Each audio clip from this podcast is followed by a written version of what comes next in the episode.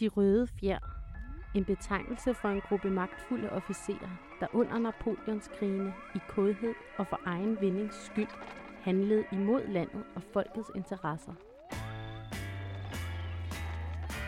De to historikere, Simon og Kalle, har sat sig for at identificere og beskrive historiens røde fjer. Nutiden skal forstås i lyset af fortiden, for fremtidens skyld. Hver en sten skal vendes, og hver en myte må ofres i denne sags tjeneste. Du lytter til de røde fjer.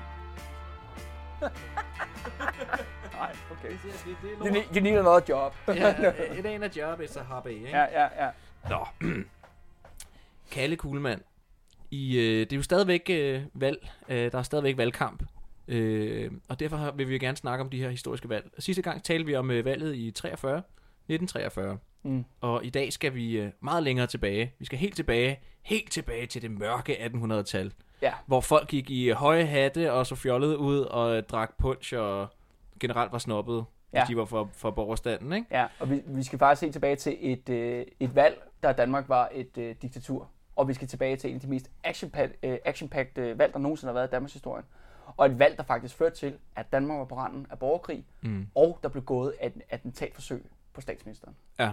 Det er 1884. det, det mest ekstreme og øh, Wild West-agtige valg Ja, i Danmarks historie. Og det er altså, ja. Vi har jo ikke haft, Danmarks historie er jo sådan generelt lidt kedelig og konfliktløs. Men det her, men her jeg vil, der jo, jeg vil ting. jo argumentere fuldstændig modsat. Ja. Og så siger, og- og det her valget i 84, og, og det efterfølgende år, der også hedder 1885, det er noget, hvor det virkelig eksploderer. Og det grinerne er jo, at de to modstandere i det her valg jo, det er jo altså højre, som jo er konservativ folkeparti i dag, eller i hvert fald deres moderne aftager, Ja. og så er det venstre. Ja. Hvor at Lars Løkke jo så er ja, vores, øh, vores statsminister stadigvæk lidt endnu. Ikke? Mm, Øhm, og de to er, øh, er ved at skyde hovederne af hinanden Ja. her i midten af 1800-tallet. så så øh, det valg, vi skal tale om, det øh, foregår i øh, 1884. Og, og det, er, det er dramatisk. Altså, det involverer skydevåben og øh, slåskampe. Ja. Og øh, altså, det var... militær undtagelsestilstand, Ja. ja. folk ryger i fængsel, Ja. ja. øh, der er censur, der er for, folks foreninger bliver opløst. Ja, der er smæk, Altså- der er smæk for skilling Ja, i det ja, her ja, valg. ja, ja, lige præcis. Ja, øhm, men øh, det foregår jo altså mange år tilbage, og, og folk er måske ikke helt klar over, hvordan øh, den politiske situation ser ud her i øh, 1884, og hvorfor lige præcis det her valg er interessant. Så måske skal vi lige skrue tiden endnu længere tilbage, øh, og lige kridte scenen op for, hvordan at øh, Danmark så ud øh, på det her tidspunkt. Ikke? Og øh, et godt sted at starte, tænker jeg, det vil jo være i øh, 1848. Ja, 1849, ja. 49, ja. Da Danmark får øh, den første grundlov, ikke? Jo. Øh, borgerne og de nationalliberale øh, har jo øh, i den her tid lavet nogle politiske sammenslutninger, ikke? Og, og, og, og, øh, og fået indført den her øh, grundlov, ikke? Som mm. for første gang i Danmarks historie giver magt til... Øh, til andre end øh, den gamle magtelite, som jo var adelen og kongen, ikke? Jo, og, ja, og så til dels også øh, embedsværket, øh, officererne. Men de har altid haft magt. Ja, ja. Men altså, Og de har det stadig. altså øh, 1849 jo, altså uden at, ikke fordi vi skal gå ind, det kan vi snakke om en anden dag, men hele den her revolutionsbølge, der rammer Europa der i 1848, og så hvad det- begivenhederne herhjemme. Mm. Øh, men det man ligesom får jo, man får jo, kan man sige, man Danmark er jo ikke rigtig demokrati i 1849. Nej. Man kan mere tale om, at øh, magteliten bliver ligesom udvidet en smule i forhold til det med nationalliberale, og det er jo især folk som øh, navne måske, der vil ringe nogle klokker, altså Ola Lehmann og, øh, og Monrad der. Ja, de, de to kendte figurer fra øh, Ole Bornedals glimrende serie af 1864, Ja. som blev portrætteret på en meget særlig og spændende måde. Nej, men ja, altså det var ligesom den nye magtkonstellation, ikke, som, som, som kom øh, i, i forbindelse med indførelsen af grundloven i 49. Og, øh, og de ledte jo, som du siger, øh, Danmark øh, direkte mod afgrunden i, øh, i, øh, med krigen i 1864 Ja. mod Preussen. Ikke? Jo.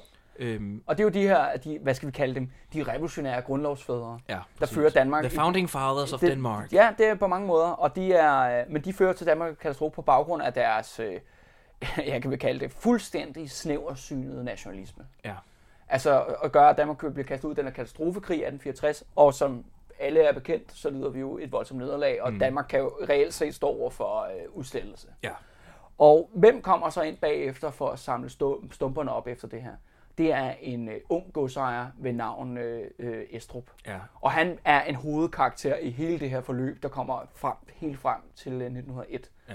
Med det såkaldte systemskift. Ja, med det såkaldte systemskifte. Ja. Og øh, han, er, han står jo for, hvor de nationalliberale er mere sådan, kan man sige, de er embedsfolk, de er akademikere, de er de, er de her borgere i København. Ja. Så taler Estrup, han er jo det store hardcore, det er ude på landet, og det, han er jo sådan en typen, der har reddet rundt på sin jord, iført det lange ridestøvler og en eller anden pisk, og hvor hans husmænd har skulle stå med hatten i hånden. Ja, han, han, han, har, han har gamle penge. Han mm. har... Øh, øh, han har royal, eller han er nok ikke royal blod. Nej, det han, han har, han, han, har, han, har, han, har, han har det gode blod i hvert fald. Ikke? Men han står for de, altså, de gamle værdier, og det er også en anden ting, der han, vil sige. han står for den gamle elite, ikke? og, den, og det, det gamle magtsystem. Og, og øh, hvad hedder det, her på den anden side af krigen i 1864, så kan han jo trække kortet som politiker, øh, der repræsenterer højre, altså de konservative, adelen og, mm. og, og, og kongen og alt det der. Så kan han sige, se hvad jeg sagde. Vi sagde jo, at det her pøbelvælde, det vil ende i øh, nederlag, og det vil ende i, øh, Katastrofe. i katastrofe og kaos for Danmark. Og se nu, hvad der skete. De nationalliberale borgere, som, som fik den magt, som vi var imod, de har kørt vores land i sænk med åndssvage krige mod Preussen osv. osv. Ikke? Jo. Så det er et rigtig godt politisk trumfkort, han har her på den anden side af den krig. Øhm, og det udnytter han jo så øh, til at sige, jamen se nu, vi skal tilbage til de gode gamle dage, ikke? Altså en, Mm. en konservativ politik, ikke? Øh, vi skal tilbage til, at det er kongen, og det er adelen, og det store hardcore, som du siger, ikke? Som skal lede det her land. Men det er virkelig altså at understrege, altså Estrup er på mange måder, altså han er en unik skikkelse i Danmarks historie. Ja. Og egentlig faktisk totalt overset på mange måder desværre, fordi øh, i modsætning til alle andre politikere nærmest, som øh, er kommet efter ham, så mener han det faktisk ideologisk. Ja. Han er ikke til at bide skære med. Han er ikke en kompromissøgende politiker, som så ellers bliver virkelig blevet hyldet efterfølgende i Danmarks historie. Manden er antidemokrat. Ja. Han tror ikke på demokrati. Nej. Han tror ikke på normale menneskers evner til at tage beslutninger i deres eget liv. Nej. Øh, og han er, altså, han er hardcore på den hardcore måde. Ja. Og det, er jo, og det er netop, som du selv siger, med de konservative værdier og sådan ting. Men der er også en vigtig anden pointe, selvom han jo stadigvæk, altså han bliver jo ikke statsminister her efter 1864. Det går noget tid først. Der er nogle andre folk, der er inde over. Men det, der ligesom kommer efter 1864, det er, at han også opnår et makkerskab med ham, der hedder Christian 9. Mm. Fordi at den gamle Frederik den 7. han dør, og så hiver man hans tyske fætter op. Og Frederik 7. det var ham, som indførte grundloven. grundloven. Ja. Ikke? Det var ham, der sagde, okay, pøbel, Han you win. sig, han bøjede sig for presset, ikke? Han bøjede, bøjede sig for presset, Ja. og han, han er altså så død i mellemtiden her, Ja. ikke? Og der, de har så hentet, hentet en, en, en lidt anden, anderledes fyr op fra Tyskland, som på en eller anden måde var et eller andet sted på, på arvelisten, ikke? Jo, jo, og øh, Christian 9. Altså, han var, øh, altså, Estrup er jo den smarte af de to, det tror jeg i hvert fald, men Ja. han er, Christian 9. er lige så reaktionær og antidemokratisk. Ja. Altså, han lever på mange måder i sådan en enevældig fortid, som var hans ungdom, ikke? Ja. da han var officer og sådan noget. Gode gamle dage. Ja, ja, lige præcis. Og det skal jo så siges jo, det er jo Margrethes uh, tip, øh, tipoldfar, ikke? Ja. ja. Øh, og Europas svigerfar. svigerfar, som ja, man siger. Ja, Ja. Hvor, Det, det er den konge, det er den konge, ja. vi taler om. Og han er kongen fra, altså, øh, fra 1863 hele vejen til 1906. Ja. Ja. Så han er kongen i meget, meget lang tid. Ja. Og ham og Estrup, de er enige om, at de der pøbel, de skal holdes øh, fra magten. De røde fjer, der er ikke faret noget ind under guldtæppet. Og pøbelen, det er i høj grad det, der hedder, det der bliver, først hedder det bondevennerne, Mm. og det er det, der bliver partiet Venstre. Ja. Og det består findes af, den dag i dag. af, hvad hedder det, selvejende bønder, ikke? Jo. Altså frie bønder og øh, borgere, som... Ja, var borgerne også med i det? Ja, men de borgerne, var- de borgerne var er mere på højre, ja, de er mere på højre side, men, Ja. ja. men, bøn, men bønderne, kan man sige, og venstrefolkene, toppen i venstrefolk, det er jo ikke, det er jo ikke øh, her hvem som helst. Altså, det, er jo, det er jo ham med måske lige så store jorder som nogle af godsejerne. Ikke? Jo, Det er jo. ham, der leder den lokale andelsforening. Ja, det er jo lokalområdet. Det er ham, der sidder og så er bankdirektør i den Ja. lokale sparkasse. Ja, ja. Ude i, øh, du ved, øh, Tappernøje. Man skal huske på, at bønderne på det her tidspunkt har mobiliseret sig, de har stiftet andelsbevægelserne, og øh, de tjener altså rigtige penge, ikke? Jo, det kommer Altså- så her efter 1864 også, Ja. så tager det virkelig, virkelig fart. Ja. Det er også højskolebevægelsen. Og højskole. Det er grundvianerne. Ja, altså, ja. Det, er, det er de her lærere, folkeskolelærerne. Ja, ikke? Jo. Det er ligesom, du ved, det er, ikke det, det er jo ikke de top embedsmændene eller officerkorpset i København. Det er alle de andre. Så det er ligesom dem, der tager den oppositionelle position fra, øh, fra de tidligere nationalliberale, så kommer de her bønder altså ind, ikke? Jo. Og, og, og husmændene øh, og kræver magt. Mm. På den anden side af 1864. Og hvad, hvad, og hvad, hvad, hvad sker der så? Fordi vi, vi vil gerne hen til valget i, øh, øh, 84, i 84 og der er jo et stykke vej endnu. Ja, Ja, ja. ja. Men, men den her periode er alligevel vigtig for at forstå, hvorfor at det, det stikker så meget af, som det gør mm. i 84. Ikke? Jo. Altså det, det, der kan man så, øh, det der sker jo så, at øh, på baggrund af nederlaget i 64, der kommer der en ny grundlov, der bliver vedtaget i 1866. Ja. Og det er altså Estrup, der er shadowmaster på det projekt der. Okay, ja. Og den her grundlov, den nye grundlov, kan man sige, af 1866, den er anderledes end den fra 49, fordi den faktisk begrænser ytringsfriheden og forsamlingsfriheden og foreningsfriheden. Ja. Langt mere, end der var i 49. Nu skal vi så sige jo, at ved begge grundlov, det er jo kun mænd over 30 år øh, med fast ejendom, Frie mænd, ikke? frie mænd, ja. Som kan stemme til de her valg. Ja, ja. Altså det har Nej, de behøvede ikke have fast ejendom. De måtte gerne være lejere, ikke? Jo, men, det, men de skal have en formue. Ja, De, de, de, altså, de skal kunne bevise, det bliver den nye lovgivning. de skal kunne bevise, at de er selvstændige økonomisk. Ja. Og, det, og øh, den måde, det er nemmest at måle på, det er jo, hvor meget fast jord ja. og hus du egentlig ejer. Så Ikke? ingen kvinder har stemmeret. Niks. Ingen fattige har stemmeret. Ja. Ingen forbrydere har stemmeret, og ingen tjenestefolk har stemmeret. Ja. Det er ligesom de fire grupperinger, som er udelukket fra magten, ikke? Og det er altså ret mange Det er mennesker. mange mennesker. Og jeg kan sige, at nu er det lidt nemmere, når vi kommer ind i 1900-tallet i forhold til tal og statistik. Ja. Men i, til valget i øh, 1918, der var der altså kun 18 procent af befolkningen, der kunne stemme. Ja. Og der havde kvinderne fået stemmeret. Men det var så vel at mærke de rige kvinder. Ja, ja.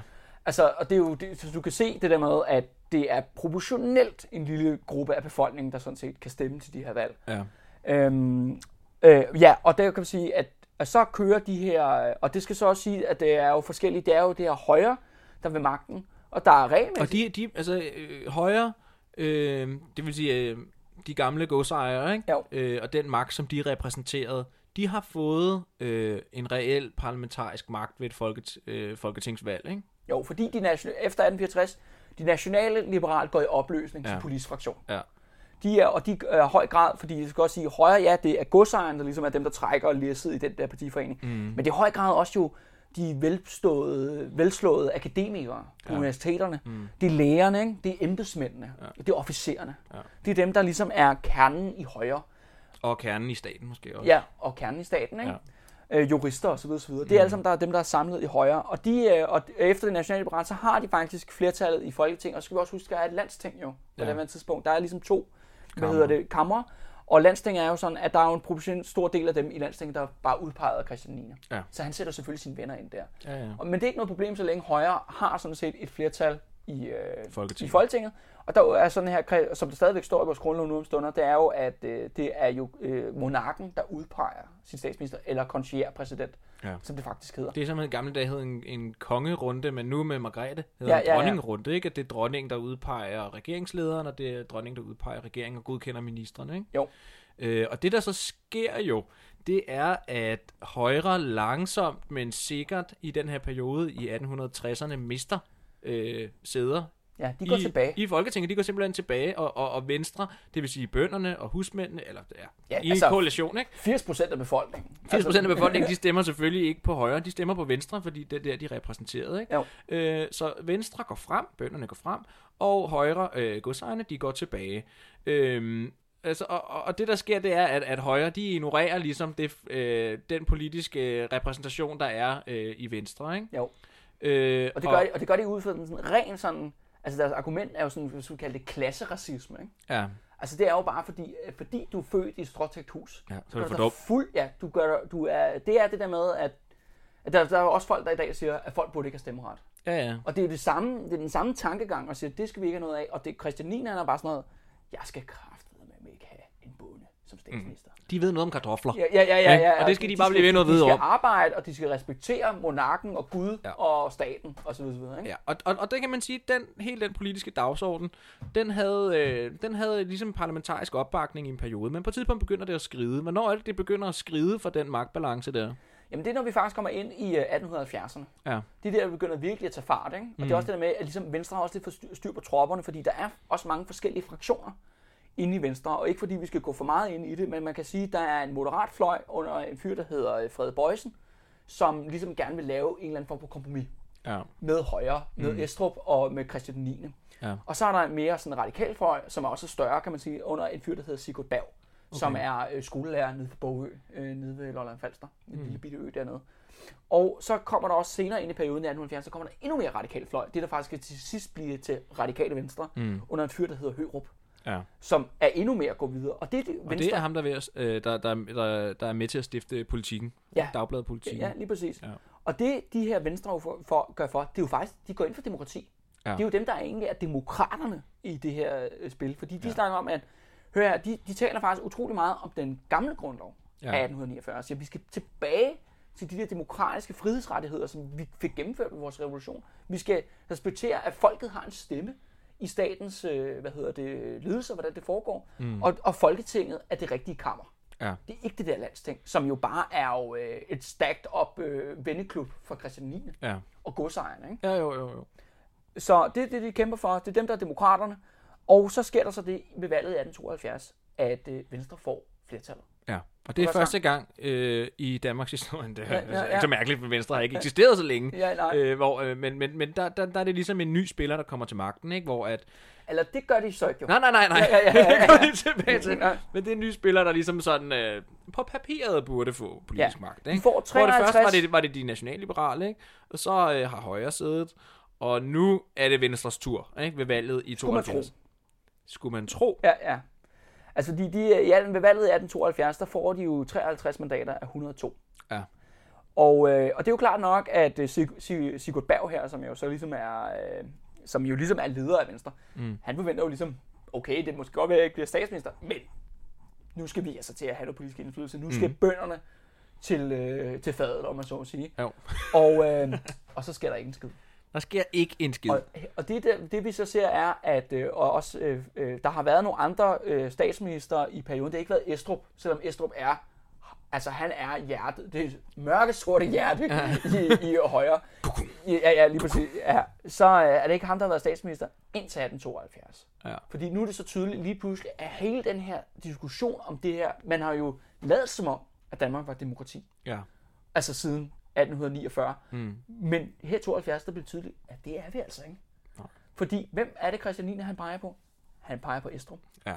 til at være statsminister. Og det er det, der er skældsættende, fordi Venstre har rent faktisk øh, fået flertallet, ikke? Jo. Øhm, På et demokratisk valg. jamen på et demokratisk valg, ikke? Sådan som det nu foregik dengang, som vi også vender tilbage til. Men nu er vi altså også Ja. stadigvæk kun i 72. Vi er Ja. endnu ikke nået frem til øh, det vildeste valg i Danmarks historie, ja. 84. Ja. Øhm, men kongen ignorerer simpelthen øh, befolkningen, dele af befolkningens ja, ønske. 80, 80 procent af befolkningen. 80 procent af befolkningens ønske, ikke? Og øh, han peger simpelthen bare på Estrup stedet for at pege på, øh, hvem det nu er, som øh, Venstre har stillet frem som kandidatur til statsministerposten, ikke? Øhm, og det kan man sige, hvis det var sket i dag, altså så havde det været hyttyve og fakler, ikke? Dagen efter. Altså hvis nu, man kunne sammenligne det med, at øh, der var valg her 6. juni, og... Øh, 5. juni. 5. Ja, det er den 5. juni. Åh, det er godt, Det er ja. grundlovsdag. Åh, det er godt, jeg har dig, Kalle. Godt, jeg har dig med. øh, 5. juni, jamen det svarer til, hvis dronningen sagde, "Nå, okay, men øh, øh, vi kan se, at øh, det, det, det, det peger nok hen imod, at det bliver Mette Frederiksen, der vinder valget, eller, eller måske kan hun danne regering, øh, vi ved det ikke helt endnu. Men, men så peger hun bare på en anden, hun peger på Søren Pape, ikke? Ja. Ved du hvad, jeg har, jeg har, jeg har ombestemt mig, nu skal vi tilbage til de gode gamle dage, vi vil have Pape. Mm. Og så peger hun på Pape som, øh, som øh, statsminister, ikke? Altså hvis det var sket i dag, så jamen, landet var eksploderet, ikke? Men Altså- hvad sker der så dengang? Jamen, altså, det der, der, sker, der kommer jo ikke nogen eksplosion, jo. Nej, det er det. Ja. Men hvor, Og hvordan kan det være? Og, det, og, øh, og det er jo noget, altså, jeg tror, det er noget at gøre med, at øh, folk i Venstre tror jo også på, at Danmark er demokrati. Ja. Så de bliver sådan baffled Mm. over, at der ikke sker noget. Altså, de har, altså det, historien går på, de sidder inde på deres, de sidder jo på Christiansborg jo, Mm. som er jo parlamentet. Mm. Og øh, så sidder de inde på deres partikontor, eller deres ligesom, forsamlingskontor der, og de tager deres øh, pæneste tøj på, ikke? Mm. Og sidder bare og drikker champagne, ikke? Mm. Og, De venter bare ja, på, ja, nu bare, kommer han. Ja, Herolden, han kommer ned og banker på døren. Der kommer aldrig Der nogen. kommer ikke nogen. Nej, og, øh, og det er jo virkelig, at de indser, at de er bare blevet kørt over, ikke? Ja. Og det får dem jo så til at tænke, altså, se, øh, se, det bliver vi nødt til at gøre noget ved, vi bliver nødt til at lave en eller anden form for protest, ja. For ligesom at få demokratiet til at virke, eller hvad man siger, ikke? Jo. Og det fører folk så til, at de nedstemmer den første finanslov. De røde fjer. Der er et yndigt land. Ja, og det, øh, det er jo så deres måde ligesom at gøre oprør på, ikke? Altså, Jo. der, der er ikke noget med nogen fakler og hørtyve her, vel? Det er jo en fredelig protest, jo. Altså, Ja, det er- ikke voldelig protest. Og, øh, og det er jo, og det får, men det får bare Estrup til at erklære undtagelsestilstand. Ja. Han gennemførte den første, det der hedder de provisoriske finanslov, og de øh, historikere, som er totalt tamme og mm, benægter konflikt i Danmarks historien, mm. de kalder jo det her for provisorietiden. Ja, ja. Fordi den her undtagelsestilstand, ja. øh, juridisk, parlamentarisk, det er jo mm. den, der fortsætter ja, helt til 1901 på sin vis. Ikke? Ja. Og det er ligesom 72, det er der, det skældsættende år ligesom kommer med den her tid. Øh, Det er der, at Estrup-diktaturet det starter, Ja, det- som man vi- populært kalder Ja. det i Danmarks historie, ikke? hvor at øh, han, øh, du, du ved, Venstre, som har flertal, de nedstemmer den finanslov, som øh, Estrup han gerne vil have igennem, øh, fordi at han jo sidder på et, øh, på et falsk mandat, ikke? Altså, han har ikke øh, den opbakning i befolkningen, som han burde have for at kunne danne regering, men øh, kongen udpeger ham som øh, regeringsleder, og øh, hans finanslov bliver så stemt igennem, og så indfører han simpelthen øh, undtagelsestilstand, og så siger han, jamen, øh, jeg regerer bare landet alligevel. ja. Ikke? Jo, jo, jo, jo, jo. Jeg er ligeglad, Jo. siger han, ikke? Og øh, det er så det, man kalder Estrup-diktaturet. Og det er jo også det der med, at og det, og for, altså, det, det var det, Folketinget var det jo også i 49, men nu bliver det simpelthen så tydeligt, at det taler med dommeparlament. Ja. Det er bare, det er jo, og øh, dommeparlamenter, de findes jo over, stadigvæk over hele verden. Ja. Altså de fleste afrikanske lande og diktaturer dernede, og mm. også alle andre mulige steder i verden, de har altså de her dommeparlamenter. Ja. At der er valg, og Rusland. der er... Siger du? Ja, Rusland. ja, du, altså, det er jo et godt dom i parlament, Ja, ikke? ja, Fordi, du, du, har, du har et parlament, så, og der er nogle valg, og der kan også godt tit være en opposition faktisk, Ja, ja. inde i de der parlamenter. Ja, ja. Men det er pisse ligegyldigt, Ja. hvad de foretager sig, og eller hvad de vedtager. Og det er det, der bliver så tydeligt her, Ja. at det er altså ikke, Danmark er ikke demokrati, Danmark er diktatur. Ja. Og det er og på baggrund, at det er Christian 9. og Estrup Parløb. Og det starter i 72. Ja. Og øh, det valg, vi skal tale om, altså det, der har så været et folketingsvalg i 72. Ja. Øh, og det valg, vi skal tale om, det er jo op i 1884. Ja. Og grund til, at vi springer derop og taler om det valg, det er fordi, at det er interessant det her med, at Danmark faktisk har øh, levet, eller landet, borgerne har levet med den her tilstand i 10 år, ikke? Ja. før at øh, tingene virkelig begynder at bluse op. ja, over 10 år, ikke? I over 10 år, Ja, ja, ja. ja, ja præcis. Langt mere end 10 år, ikke? Øh, hvad hedder det? Hvor Danmark det, de facto har været et diktatur. Alle folk ved det måske i virkeligheden, ikke? Altså, det står vel også i aviserne, selvom at der er, at ytringsfriheden er blevet knægtet og så videre, mm. og så videre, så ved folk vel godt, altså, at, øh, at Estrup, han, øh, han, han, han kører bare videre, og Ja. han ignorerer flertallet, ikke? Så, øh, Men der er jo også godt siges igennem, altså op mod valget 84, der er jo, øh, hvad hedder det, der er jo øh, modstand. Og det er på baggrund af netop, at Venstre har den her, de kalder det vidstepolitikken. Mm. Hvor de for eksempel, de sylter alle lovforslag, de stemmer ikke på finansloven Ja, ja, ja. Og det er jo den her fredelige protest, og man skal også tænke på, at der, deres aviser kommer jo stadigvæk. Altså, der er forskellige venstrepresser osv. osv. Og de snakker om det der med, at vi har brug for at kæmpe for demokratiet og alt det her. Men det bliver bare ignoreret. Altså, det er også det med, fordi de, de gør ikke mere end det. De, det er bare fredelig protest. Mm. Altså det, de gør. Og, men det fører så til, at folk i Venstre bliver mere og mere, altså de bliver radikaliseret, mm. for at sige det mildt. Og der begynder folk at snakke om, det kunne godt være, at vi skulle bruge nogle, øh, sætte vores demokratiske rettigheder, kæmpe for vores demokratiske rettigheder med våben i hånd. ja. Og det er jo derfor, at lortet eksploderer i midten af 1880'erne. ja. Så det er ligesom, hvis man puster en ballon op med luft. Ja, Ikke? Der kommer mere og mere luft, ikke? og så til sidst så springer den jo, ikke? Men det gør den jo så alligevel ikke helt, men, men, men, men, men der har været et pres på, øh, på de her venstrefolk så længe, ikke? De har set, kom nu, ja. Næste gang, så må Ja. det stoppe det her, ikke? Kan du ikke godt se, Estrup, at vi stemmer alt dit lort ned, vi sylter alle dine forslag, kan du ikke forstå det? Ja. Din finanslov, vi gider ikke have noget med den at gøre. Øhm, og der bliver ved med at blive udskrevet valg, og Venstre bliver ved med, at, øh, folk bliver ved med at stemme på Venstre, de bliver ved med at have flertal. Der sker Ja. ja. ingenting. Øh, og som du siger, så begynder der begynder at røre sig nogle ting. Der kommer en ny generation i Venstre, ikke? Af unge mennesker, som, mm. som ikke gider finde sig i det her længere, ikke? ja. Og så kan vi jo så gå, øh, hvad hedder det, til folketingsvalget. Mm. i 1884. Også vil lige snakke om, hvordan et valg var dengang. Ja. Fordi det er faktisk radikalt anderledes, end det er i dag. Mm. Øh, for, det, for det første, som vi allerede har nævnt, så er det altså kun mænd over 30 år, øh, med, altså, som er, har en formue eller kan forsørge sig selv og deres mm. familie, som kan stemme til det her valg. Men det er også ret anderledes, for, for det første, den måde, man stemmer på, at, kan sige, altså, det er jo, hvad hedder det, øh, det er jo øh, flertals øh. Det vil sige, at det ligesom det foregår i England, Ja. at du ved, at det, det har, den kandidat med flest stemmer, det er den, der ryger ind, og alle de andre stemmer, de, De de, ligesom, de, forsvinder. de forsvinder. Ikke? Jo. Og den måde, det er foregået på, er ligesom, hvis hver en lille købstad i Danmark, de har ligesom været en, med dens opland. Det har mm. været en valgkreds. Mm. Så det vil sige, om man skulle så ind fysisk og stemme ind i byen. Altså Ja. ind, på, øh, ind ved den lokale kro, eller forsamlingshus, eller hvor hvor det nu man har en større plads, hvor man har forsamlet sig. Og det er jo også det med, at de her valg er jo foregået under åben himmel. Ja. Og altså, valgkampene er jo gået ud på, ja, udover det kan man sige, at mediet jo ligesom har været avisen, man ligesom ja. været det, Flyveblade og så videre. ja, og så videre. Men i høj grad været den politiske tale, Ja. hvor man øh, kan, altså, hvor man mødte op, stod, og der har man jo for eksempel, der er mange øh, historier om, hvordan for eksempel, jamen, så mødes Venstre på en bakke lige ude for byen, der kommer måske et par tusind. Mm. Og det er jo sådan fuldstændig agitatorisk. Det er sådan fuldstændig modsat af, hvad du kan forestille dig en valgkamp i dag. Altså, mm. det kan godt være, at de så råber og skriger lidt hinanden inde i det studie.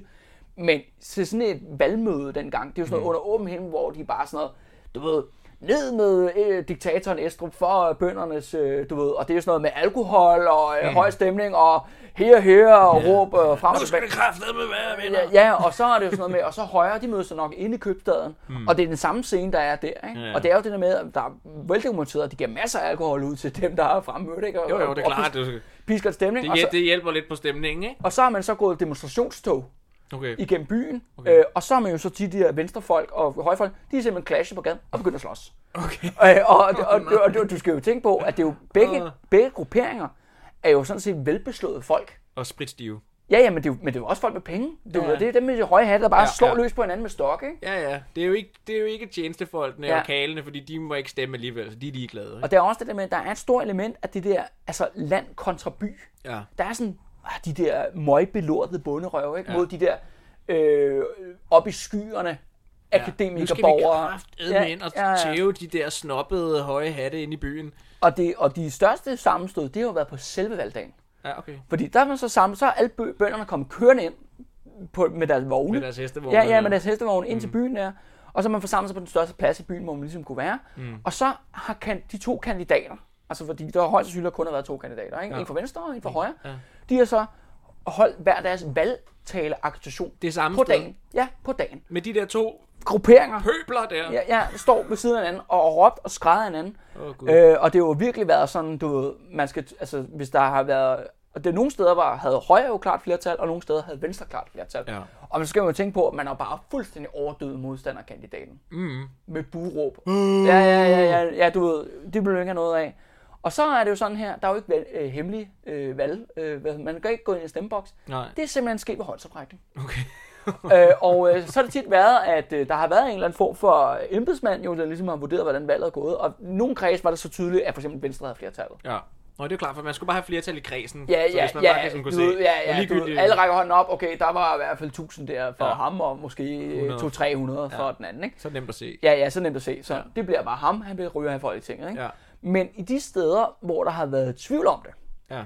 der har man altså gået ned og spurgt individuelt, hvad man stemmer. Mm. Okay. Så du skal få, og det kan jo, det kan jo øh, tage lang tid. Men det vil sige, altså, at man, øh, det afhang ligesom også af, hvor mange mennesker man kunne mobilisere til at komme på valgdagen på den der givende plads et eller andet sted. Ja.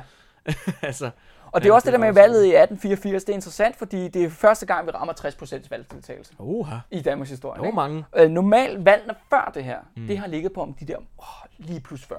Ja. Af dem, som at der var Ja, berettiget at de, til at at de absolut vælge. rigeste i Danmark, i det danske samfund, der faktisk kunne let røven og faktisk tage ud til de der valg. Ikke? Ja, ja. Så, Det er jo klart, hvis, hvis, hvis, man, altså, hvis man absolut skal drikke en halv flaske snaps og slås med en eller anden bunderøv, så er det heller ikke sikkert, at man lige gider det den dag måske.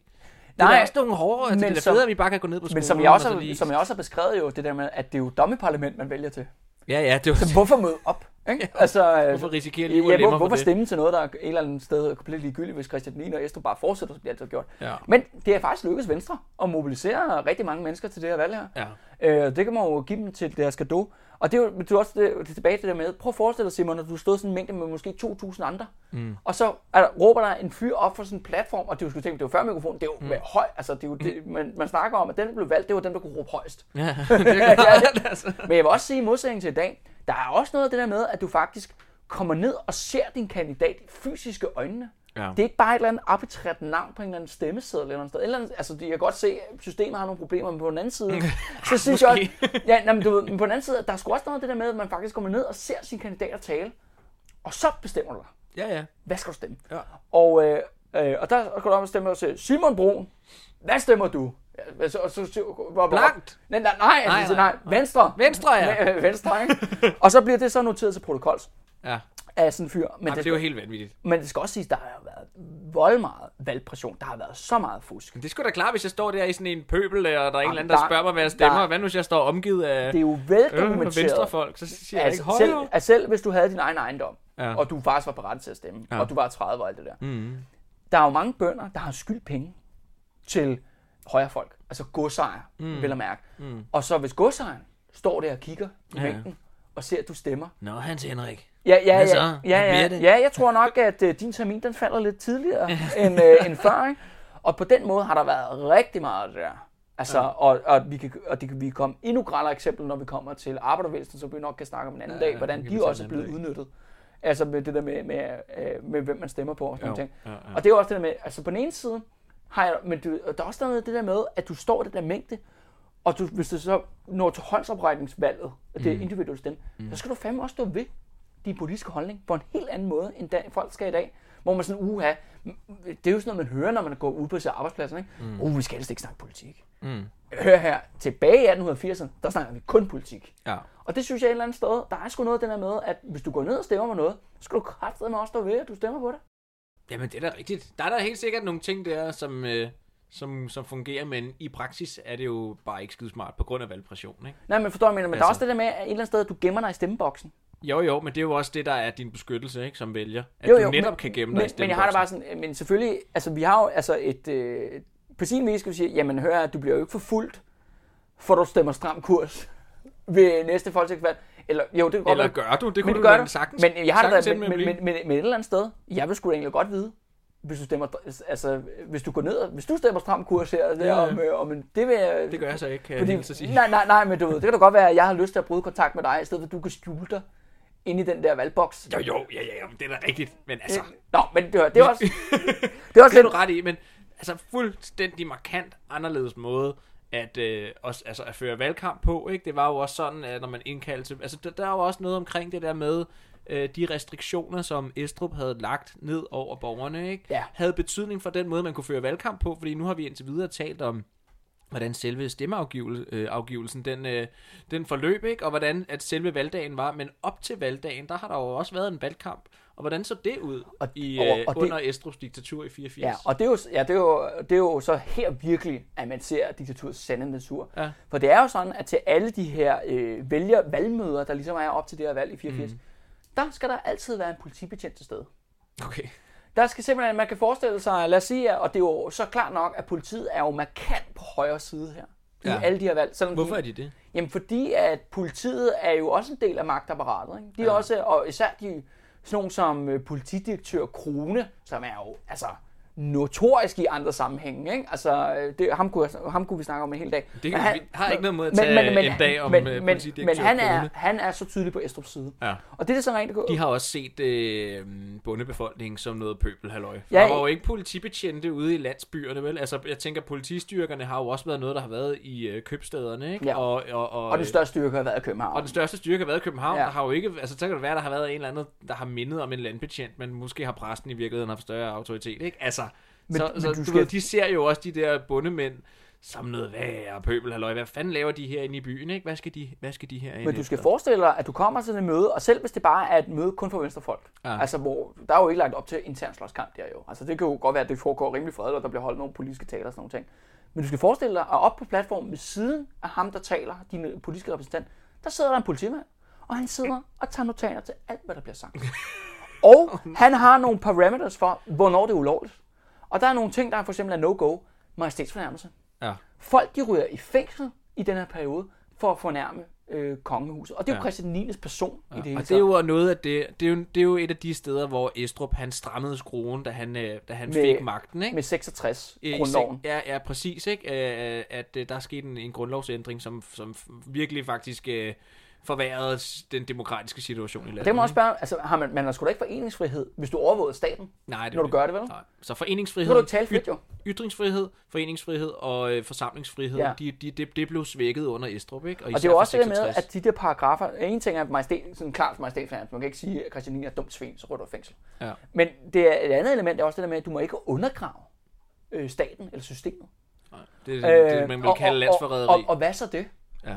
Altså, hvor, hvor, øh, det betyder hvor, hvor utilfreds må du være. når, Ja. når du taler. Altså, siger, "Nej, jeg synes, det her det er for dårligt, eller sådan, du ved, hvor at det, og det skal også siges det der med, at nu er der, folk fik jo alt imellem et par år, og det skal også sige, det er jo fængsel dengang er noget helt andet end i dag. Mm. Det er, altså, nogen, for nogle folk har det været en decideret dødsdom, og Estrup har vidst det, og politiet har vidst det, mm. fordi fængselsforholdene har været så dårlige, at du øh, kunne få tu- tuberkulose jo, Ja. som var en af de helt store dræbere ja. på daværende tidspunkt her i Danmark. Så, så, så de der øh, venstrepolitikere, som har øh, mobiliseret deres vælgere rundt omkring i det danske land, og de har skulle øh, holde vælgermøde op til valgdagen, altså i, under valgkampen, så har der siddet en repræsentant for politiet ved siden af dem, bogstaveligt talt, Ja. og noteret, om de gjorde noget ulovligt. Og hvis de gjorde noget Eller det, ulovligt... men det er ikke, hvad de sagde. nej, nej. Ikke? Du, ved, det er jo ikke, hvad de gør, altså, fordi de står og bare og holder møde. Ja, ja. Det er jo, hvad de siger. Ja, ja, præcis. Ikke? Det, det, er jo, det er jo politisk politi. Ja, ja, Ikke? det er det. Altså, det er, det er sådan noget... Øh, ja, netop. Det, det, det, det er fuldstændig ret i, ikke? Altså, at det handler om... Øh, det er politisk politi. Men de har altså siddet der og så noteret... Hov, det han sagde der, det kunne måske godt tolkes som la- landsforræderi. Ja. Hmm, måske. Lad Eller lige- uha, ja, det mod, uh, hvad, sagde han om kongen der? Var det egentlig ja, ja. majestætsfornærmende? Hmm. Og hvis de nu øh, har tænkt, ja, ah, men det var det, og ham der, han er måske i virkeligheden en rimelig stor trussel for Estrup-regeringen, ikke?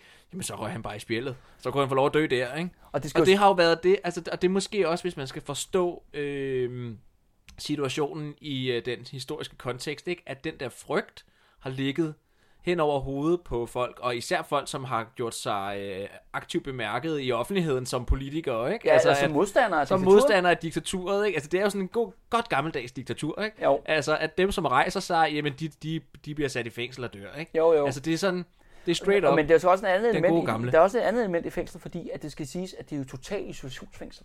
Ja, ja. Og det, at det er også der, der er jo, øh, det er jo en tid før, ligesom, øh, det er jo en tid før Freud, det her. Ikke? Altså, så Jo. oh. noget, det- hele det psykologiske er ikke lige så godt øh, ligesom beskrevet den her periode.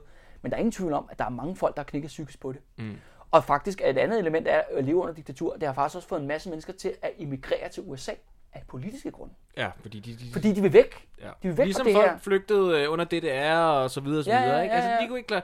Men det var ligesom den politiske situation her i 84, ikke? Altså, at øh, det var jo ikke en færre valgkamp, vel? Fordi at øh, venstrepolitikerne kunne ikke bare sige til... Du vil ikke sige, hvad de mener. De kunne jo ikke sige, hvad de mente, og det de mente, det var jo i virkeligheden, at man skulle vælte regeringen, ikke? Jo, jo. Altså, øh, selvom at man kan sige, at det behøvede ikke at være nødvendigt at tale for at vælte en regering, når de har flertal, men det, det var ligesom deres situation. Men, men deres argument var, at vi skal respektere forfatningen. Ja. Vi skal respektere demokratiet. Vi skal have vores demokrati, som Ja. vi fik i 49. Ja, ja. Og det kan vi ikke engang få. Ja, ej, det var Og, og, og, du ved, selv, og det er det der, det er jo det, er det der så, så grineren ved det jo, at selvom altså 49-grundloven mm. er jo i moderne standarder overhovedet ikke demokratisk. Nej, nej. Men det har det bare været for de her folk i den her Ja, kontekst, ja, ja, ja. Det er det, de kæmpede for, ikke? Jo.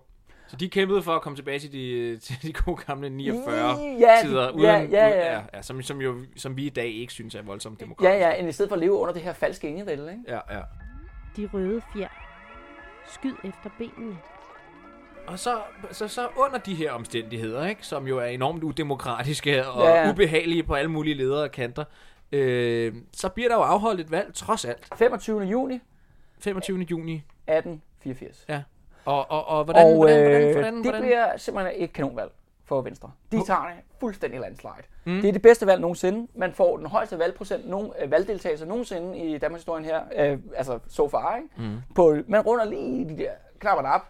Øh, 59 procent, du ved, 60 procent. Jeg synes, det er flot. Ja, det er fandme flot, ikke? øh, Venstres valgkamp er lykkedes. De får øh, over 80.000 stemmer. Ja. De, og det svarer til øh, 56,3 procent af, af, af, sådan, af stemmerne ved det Ja. her valg. De får 81 mandater Ja. i Folketinget. Højre her, altså Estrup, de får kun øh, f- øh, 55 øh, procent, eller 55.000 stemmer. Mm. Det svarer til 38,7 procent, og de bliver 19 mandater. Ja. Og så får vi også et nyt parti i Folketinget. Det er Socialdemokratiet, der for første gang kommer ind med, med 7.000 stemmer, eller 4,9 procent af stemmerne, og det bliver to mandater. Yes. Og det vil sige, nu er der faktisk kommet et parti til venstre for venstre. Ja. Ja.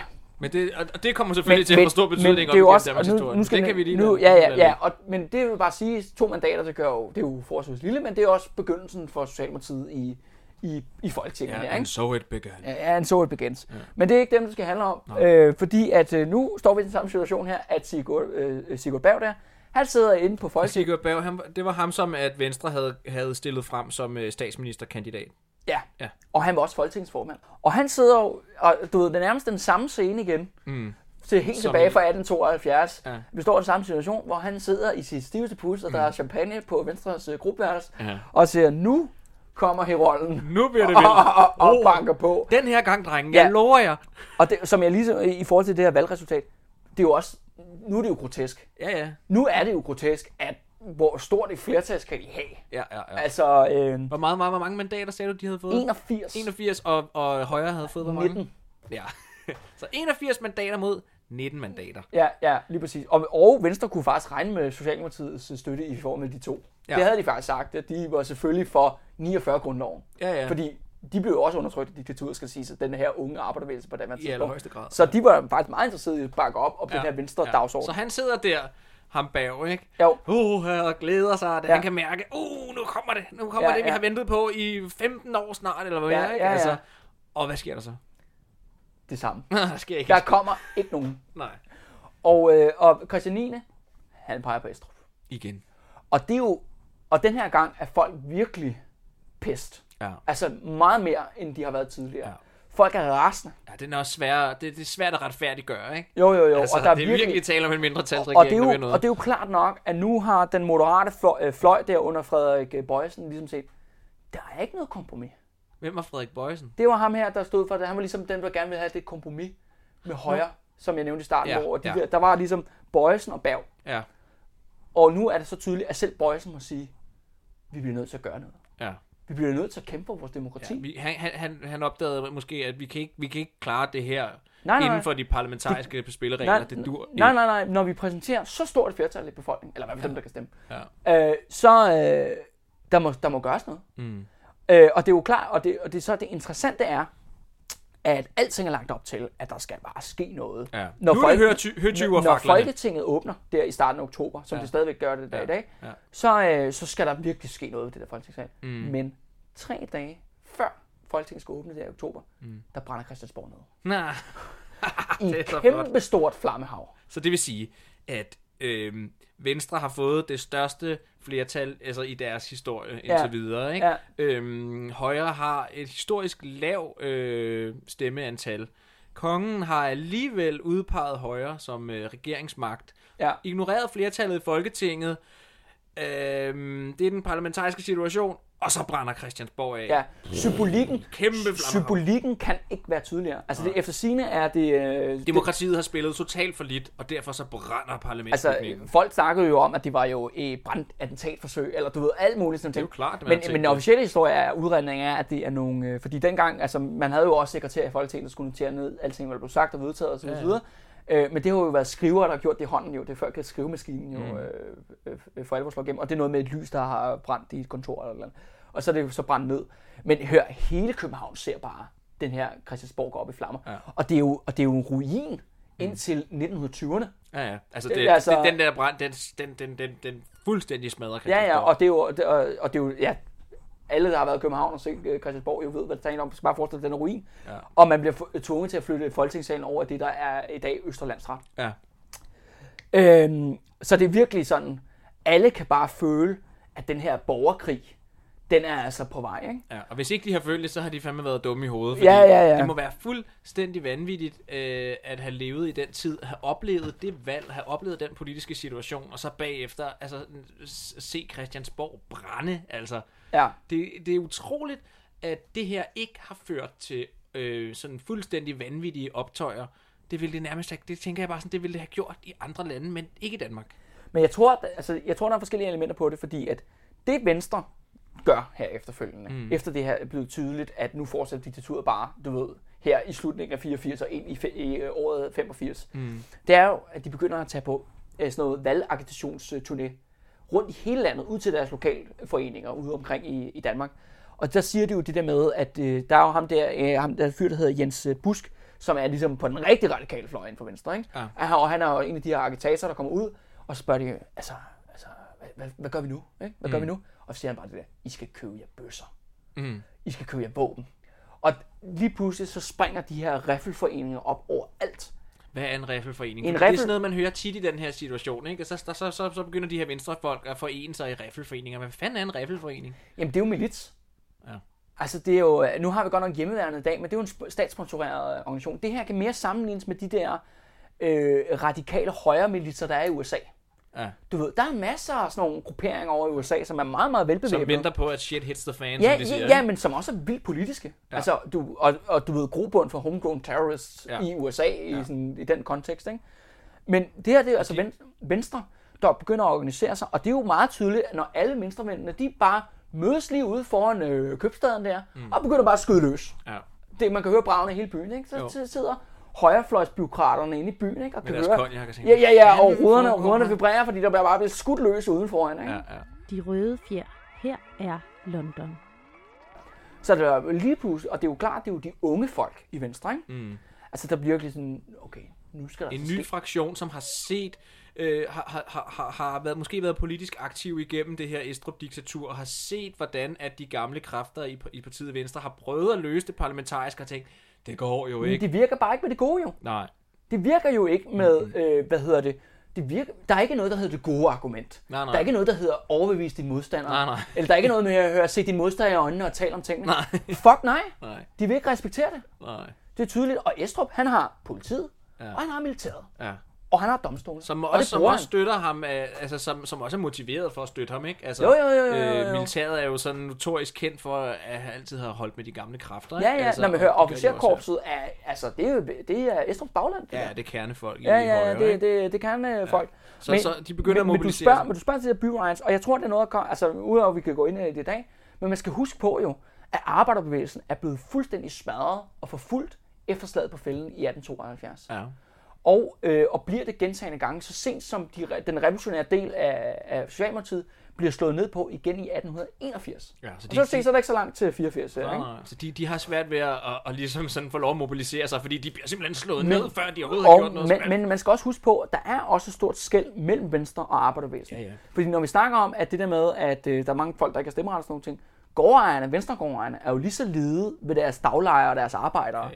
Og behandler dem lige så dårligt, som kapitalisterne gør inde i byen jo. Mm. Så, så socialdemokratisk arbejder på det tidspunkt, som jo stadigvæk er en lille, altså den lillebror de her fik, i den de her to mandater Ja, ja, ja, ikke? men de må også tænke, øh, ja, du ved, så skifter jeg bare en pisker ud med en anden Ja. slavepisker, ikke? Ja, Ja, ja. Du ved, for, i deres øjne, ikke? Ja, ja, det er klart. Og så derfor kan man sige, du måske ikke ser de her byriots, fordi ude i provinsbyerne, det er højre folk, der sidder inde i centrum. Ja, Arbejderklassen er måske meget svag, ikke eksisterende. ja. Og, og, og, og resten, de bor jo på landet i, i, øh, i den her tid. Ikke? Ja. Altså størstedelen af befolkningen bor på landet, og de bor også ret spredt øh, i forhold til... Altså de bor jo ikke i små landsbyfællesskaber. Vel? Så bor der Nej, en nej, bondemand nej. på en gård, og der bor en Ja, anden ja, bondemand på en ja, anden gård, og ja. de kan en gang imellem så ses de ikke. Ej, de ses nok ret tit. Men, men altså, det er jo ikke det samme med... Det er jo ikke ligesom, som du siger, inde i en Men- by, men- hvor folket rejser sig, for det kunne de ikke. Men, Men, de kunne men til gengæld mødes og skyde ser, når vi kommer ind i året 85, så, så kommer riotsene jo faktisk også. Ja, okay. Men det tager lige lidt tid. Men, Ja. ja. Og i første øh, situation bliver ligesom al den her vrede frustration, de bliver ligesom kanaliseret ud i de her rebelforeninger. Ja.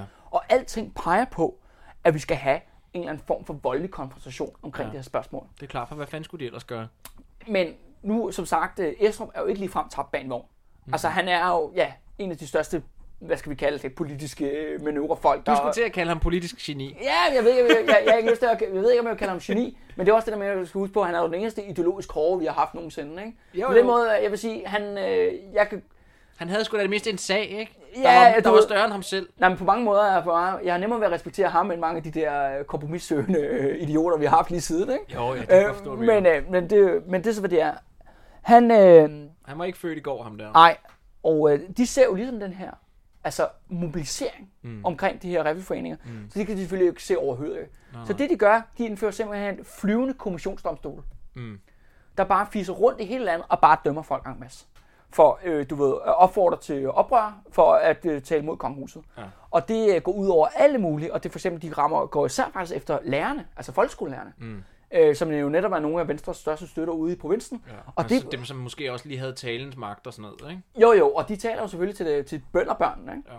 Jo. Øh, og det siger, nu, øh, nu er det altså nu, og sådan nogle ting. Mm. Og, øh, og det, folk bliver jo fyret for deres job.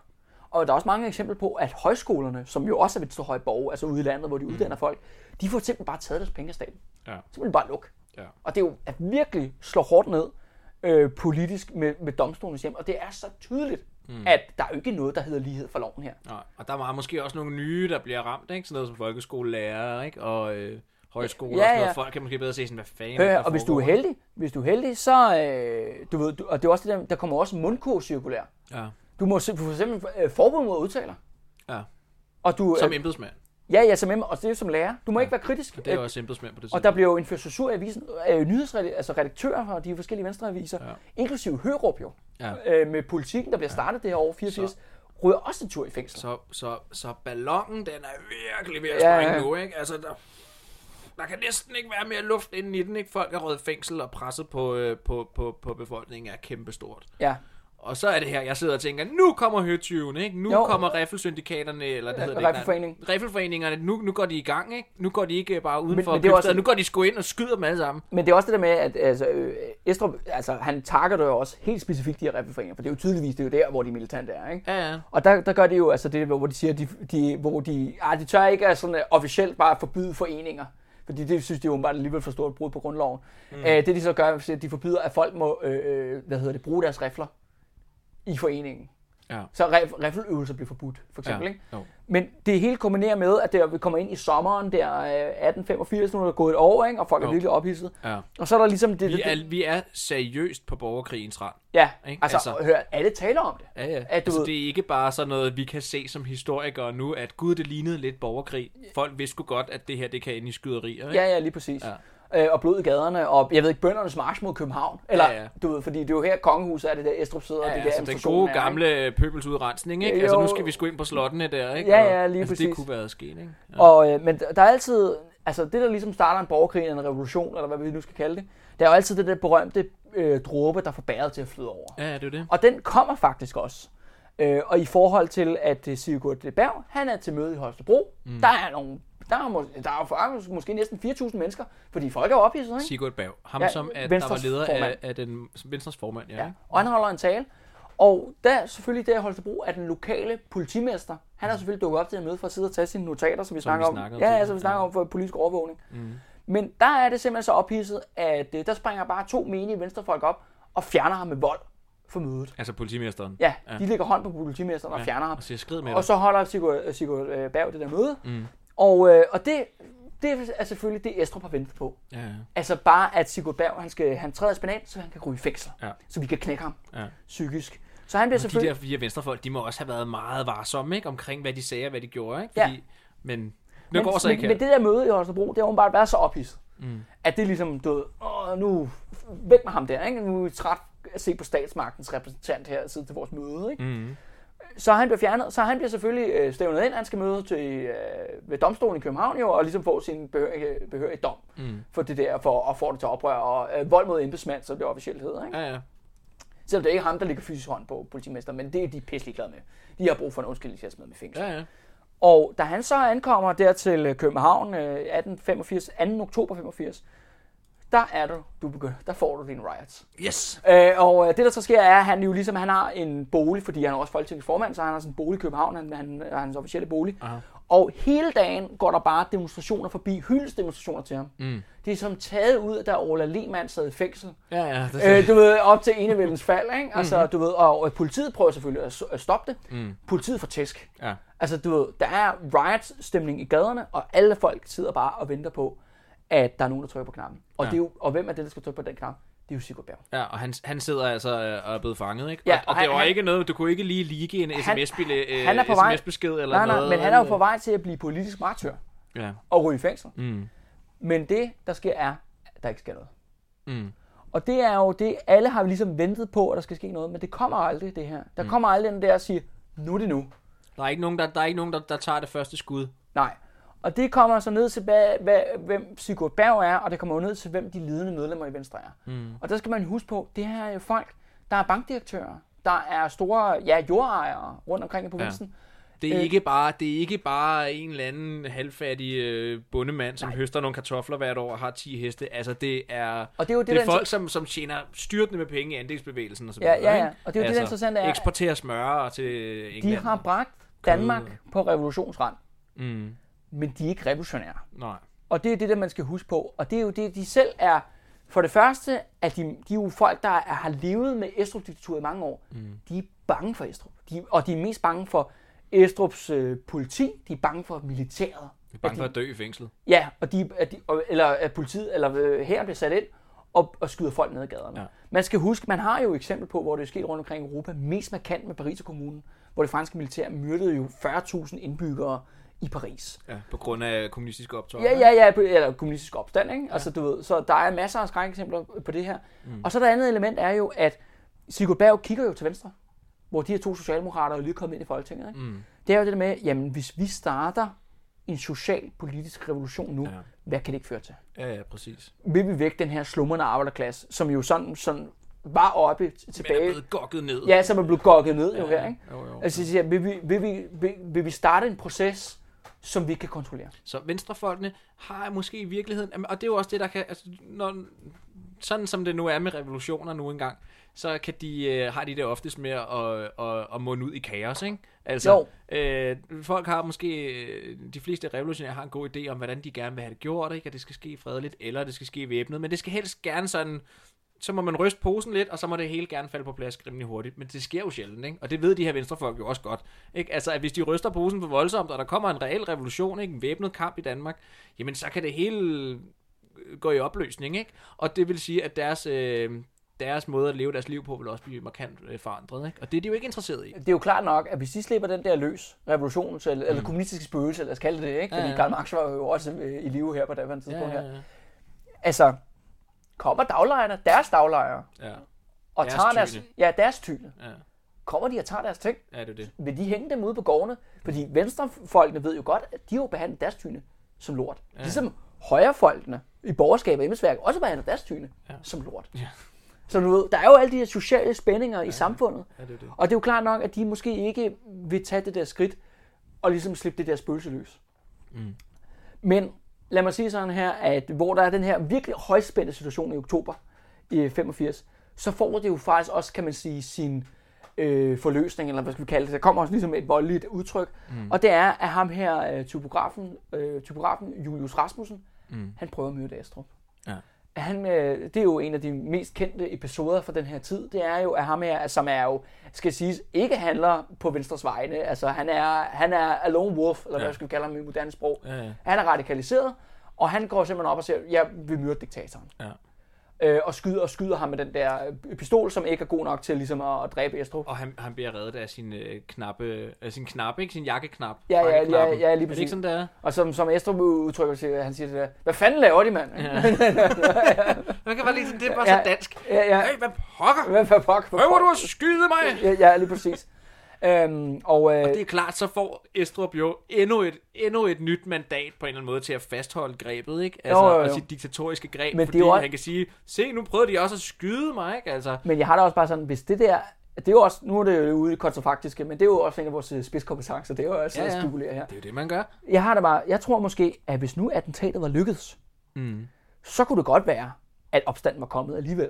Mm. Selvom måske, at så var simpelthen så Sigurd Berg mistet kontrollen, og det var kommet alligevel, fordi Estrup var kernen. Ja. Det var ham, der holdt sammen på det, og det er jo også klart, ham, Og det var ham, der havde et, et, et fremragende parløb med, med, med Christian den 9. men? Christian 9. var ikke lige så stærk politisk. Nej, nej, men det var alligevel Estrup var. Christian den 9. jo, som blev ved med at udråbe Ja. Estrup, ikke? Og det er jo klart nok, at hvis der har været en, en sværere person end Estrup Mm. i den her situation, Ja. så kunne det godt være, at det hele var knækket sammen. På baggrund af det, at, du ved, af det her politiske attentat, hvis han faktisk var blevet dræbt der. De røde fjer. Med lov skal land bygges. Estrup, øh, han bliver jo forsøgt dræbt. Ja. Og, og, og, og, og, øh, og det er jo ligesom det, der kunne have været den store kulmination, ikke?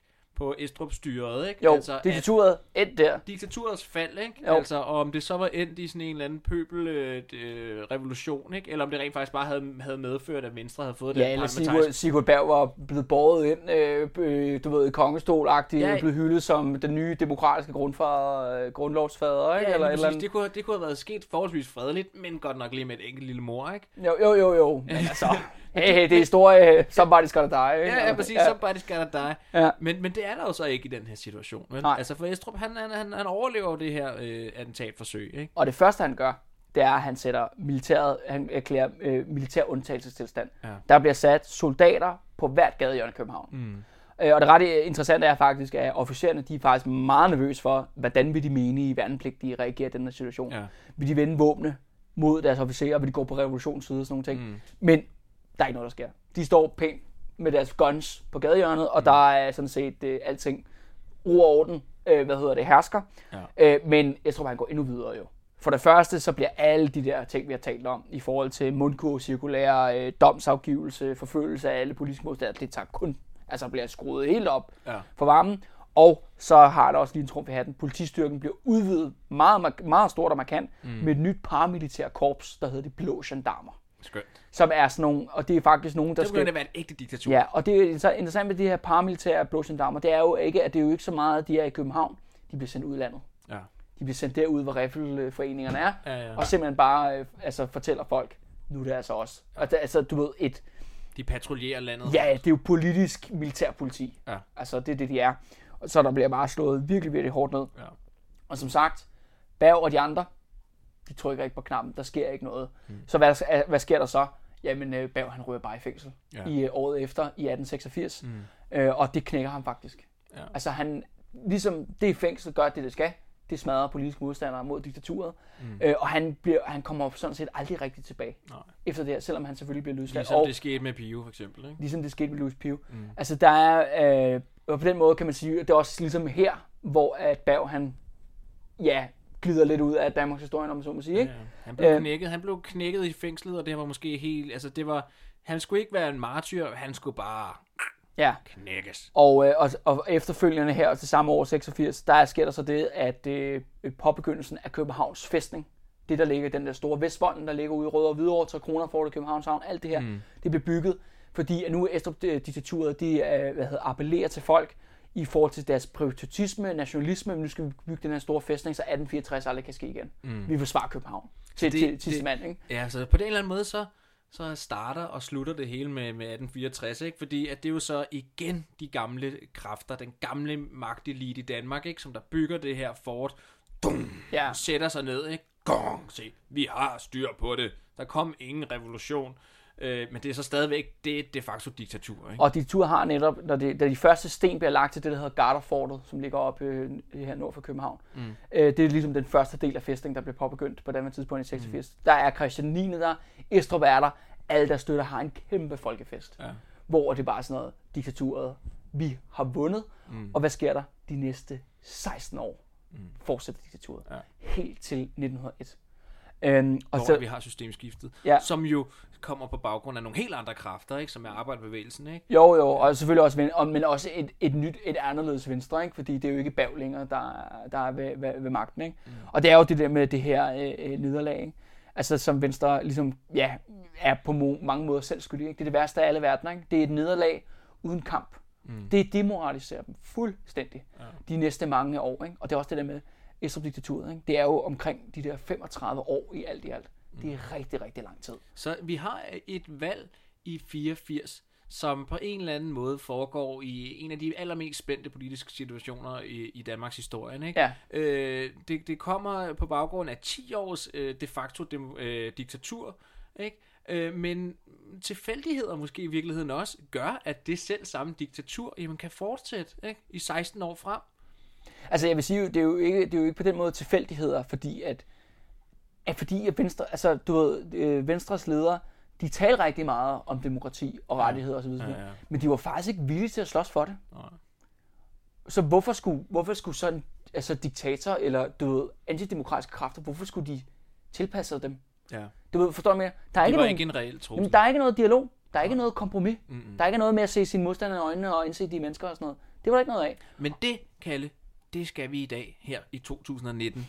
Ikke? Vi skal se vores politiske modstandere i øjnene, vi skal tale med dem, ikke? og så skal vi sørge for, at folk de kan stemme frit og fordrageligt, uden øh, at blive åndet i nakken af staten og, øh, og deres politiske modstandere. Ikke, Kalle?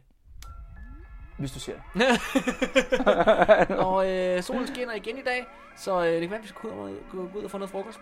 Yes. Lad os gøre det. Ja. Tak for i dag. Tak for i dag. De røde fjer. En betegnelse for en gruppe magtfulde officerer, der under Napoleonskrigene i kodhed og for egen vindings skyld handlede imod landet og folkets interesser